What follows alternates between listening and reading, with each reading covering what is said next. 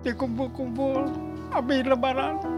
Agus, bagaimana kalau dipikir mah apa susah.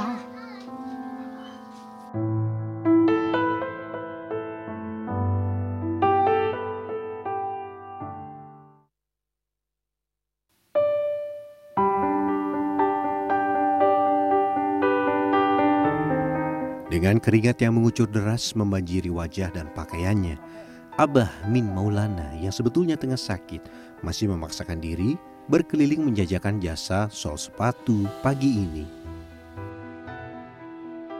Sudah beberapa bulan terakhir, langkahnya tertatih, nafasnya tersengal. Pun, pinggul dan kedua kakinya terasa begitu nyeri. Abah masih berupaya bekerja untuk mendapatkan rupiah demi ia dan keluarganya. Inilah Abah Min Maulana atau yang akrab disapa Abah Maulana oleh sanak kerabatnya. Total 50 tahun sudah Abah yang tahun ini genap menginjak usia 78 tahun menjadi penjajah jasa sol sepatu di sekitar kawasan Cibuluh, Bogor Utara, Jawa Barat. Awalnya Abah mampu berkeliling hingga kota Bogor, namun semuanya berubah tiga bulan terakhir. Insiden terjatuh yang membuat Abah mengalami cedera tulang ekor 2020 silam kini terasa begitu nyeri. Dampaknya, sekarang Abah hanya mampu berkeliling di sekitar kawasan tempat tinggalnya saja. Tadi memang ngerasa, ngerasa apa-apa.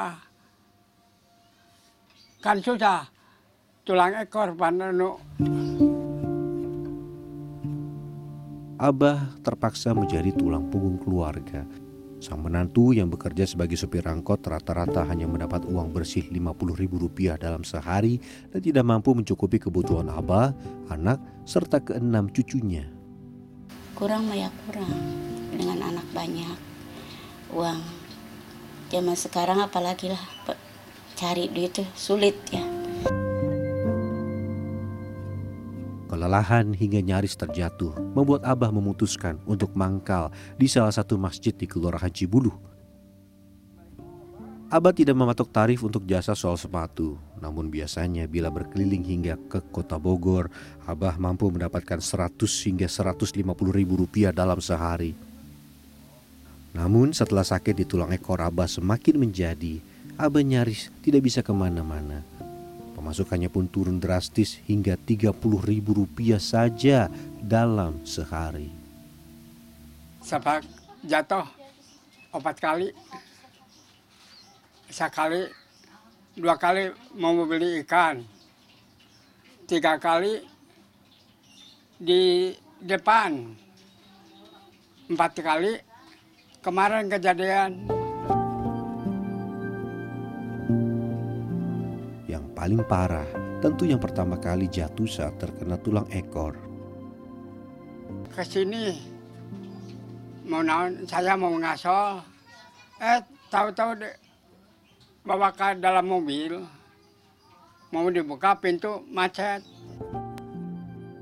Di dalam mobil itulah Abah diperas hingga kehilangan uang sebesar Rp1.500.000 rupiah. Tidak hanya sekali, dua tahun berselang di tahun 2020 Abah kembali ditipu dengan modus yang sama hingga harus kehilangan uang Rp800.000 rupiah.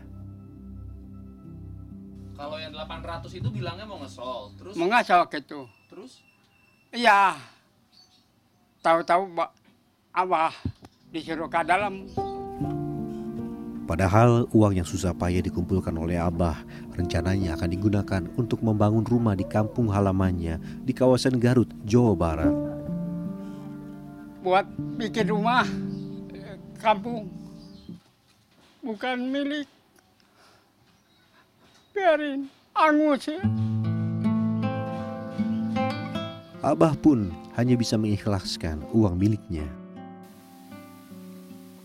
Sang anak sebetulnya khawatir setiap Abah pergi berkeliling, namun ia tidak punya pilihan lain. Ia berupaya menjaga Abah dengan memastikan Abah tidak terlambat makan dan rutin mengkonsumsi obat. kalau seandainya ibu udah mapan nggak mungkin orang tua harus jalan terus cari sana kemari karena berhubung keadaan gimana ibu juga nggak bisa ngelarang gitu ya. Ngelarang ibu cuman jangan bah apa-apa doain aja. Tapi alhamdulillah kata abah mungkin rezeki kalian semua abah di sana banyak yang ngasih. Ibu juga ngerasain tanpa bantuan orang tua ibu dari mana selama ini?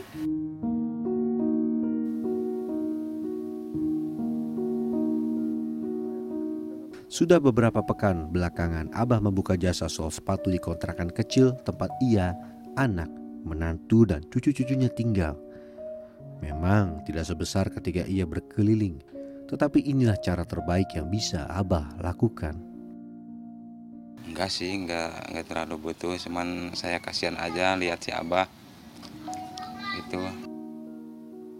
Berhutang jadi cara terakhir Abah dan keluarga untuk membayar sekolah, membayar kontrakan, serta mencukupi kebutuhan hidup sehari-hari. Tentu sembari mencari cara untuk melunasi pinjaman yang semakin menggulung. rumah juga sekarang udah mau dua bulan belum kebayar. Ini belum kebayar. Ya itu abah mikirin rumah. Gimana bayar? Gak ada uang mau keluar dia belum sehat. Ya jadi kepikirannya kalau punya rumah sendiri mendingan pulang nah ada buat songkosin mah gitu kata dia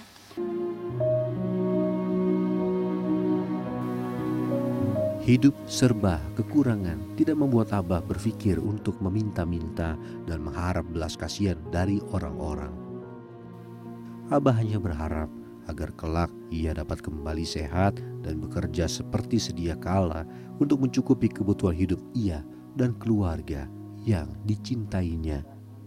Rian Fernando, Dwi Agung Yuldiarto, Bogor, жолго барат